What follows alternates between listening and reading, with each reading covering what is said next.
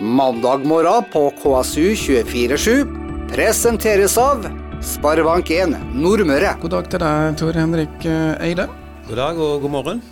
Ja, god morgen, god morgen. Det er næringslivsdag her på KSU247, og da er vi jo av og til inviterer vi jo inn gjester, spesielt der det skjer litt av hvert. Og um, Tor Henrik har jo vært på besøk i radioen før, det er jo noen år siden nå, faktisk et par år siden.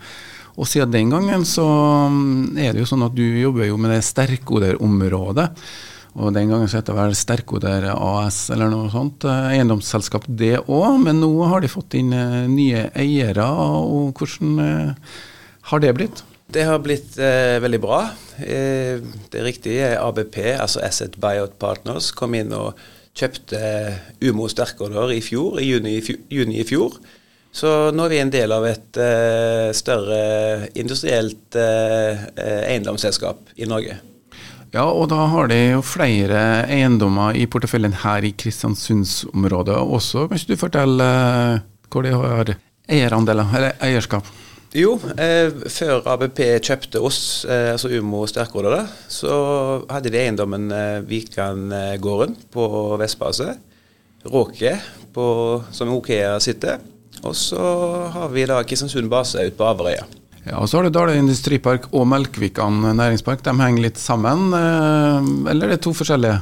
Nei, altså Det er ett selskap. Det heter, kalles Sterkoder AS. Eh, men det er to eh, ja, Vi har en næringspark i Melkvikan som vi utvikler. Og så har vi da Dale industripark hvor vi samler litt eh, tyngre industri. Ja, Skiller oss på den måten, da.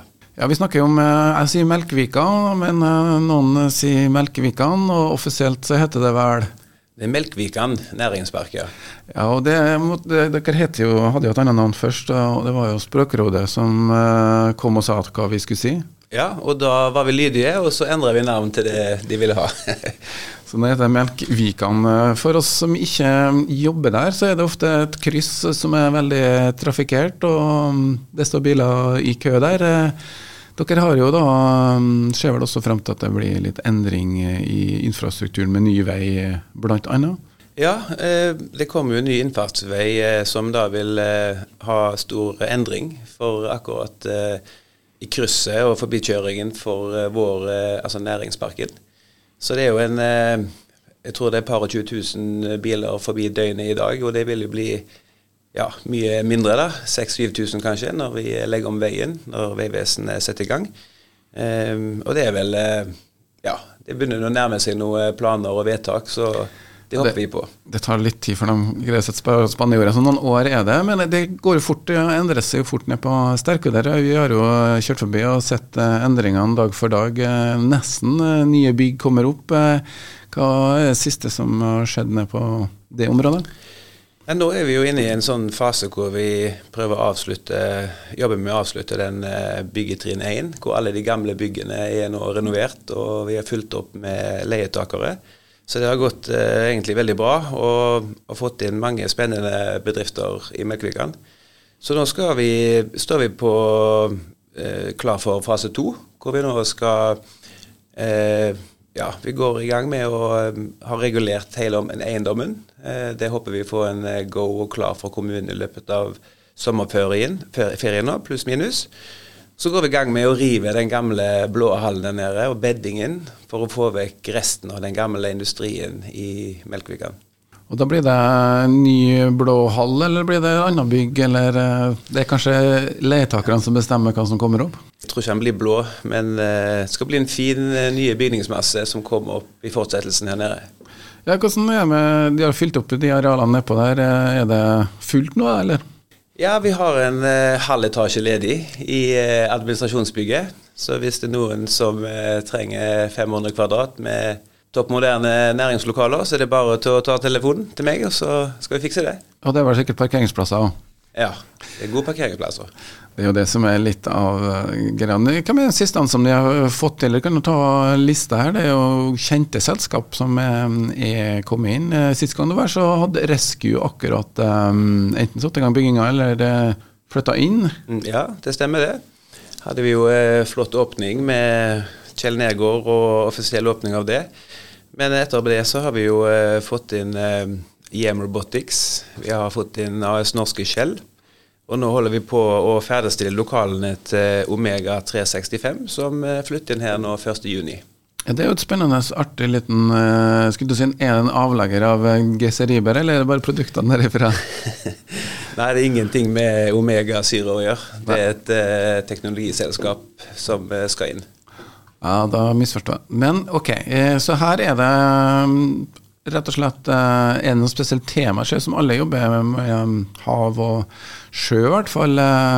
Det er vel noe Er det den type aktivitet de ønsker inn? Så vi har vel en miks her eh, med både energi, olje og gass. Og vi har eh, selvfølgelig en god del til de grønne næringene og blå næringene. Eh, og teknologiselskap som etablerer seg og har stor vekst og suksess. Så det er jo kjempespennende. Ja, det er jo det som vi skal leve av i Kristiansund fremover, det er jo bl.a. det tilbudet rundt. Men dere eier også et eh, område, da, eller selskapet da, eier jo også på Kristiansund base. Hvordan er aktiviteten utpå der? Er det ditt område eller et annet? Altså, det er vår eiendom, men uh, der er det jo ASKO med Vibeke Weise Co. som styrer aktiviteten, altså drifter altså drift eiendommen der ute. Men vi er jo med og eier og tilrettelegger for uh, etablering av nybygg og de som ønsker å komme inn der. Det er jo en del folk som skal jobbe nede på Melkvikan næringspark, og ryktene sier jo at det er ikke så lenge til at Sundbåten tar seg en liten avstikker. Hvordan har dere jobba for å få det her på plass? Altså, vi har hele veien jobba med at Melkvikan næringspark skal være en grønn, moderne, ny næringspark i Kristiansund. Hvor vi tilrettelegger for de ansatte at det skal, være, det skal, være, lett å komme til jobb, det skal være trivelig å jobbe der. Og, og så har vi jo den kaifronten og den lokaliteten vi har. Så jeg har tenkt det at Sundbåten kunne vært flott å få kobla til.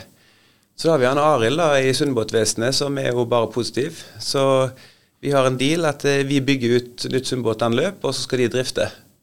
Så nå holder vi på med siste finish i forhold til å både søke og få etablert selve anløpet fysisk. Så nå er vi i sluttfasen med det, og håper å få start på det i løpet av eh, våren og mai. Jeg har lyst til å si mai. jeg har lyst til å si mai, men ja. det er noen søknader som du sier, og den siste godkjenninga som skal på plass uh, ja. for å få det. Men uh, det her er jo i Sundbåtens historie det er jo ganske historisk da, at man har fått et anløp utafor havna. Nå skal vi helt sikkert få inn Arild når det her begynner å, å bli, og fortelle oss litt om um, hvordan det praktisk blir gjennomført her. Men det, det er ikke så lange biten bort, så det skal vel ikke påvirke rutetilbudet ellers heller.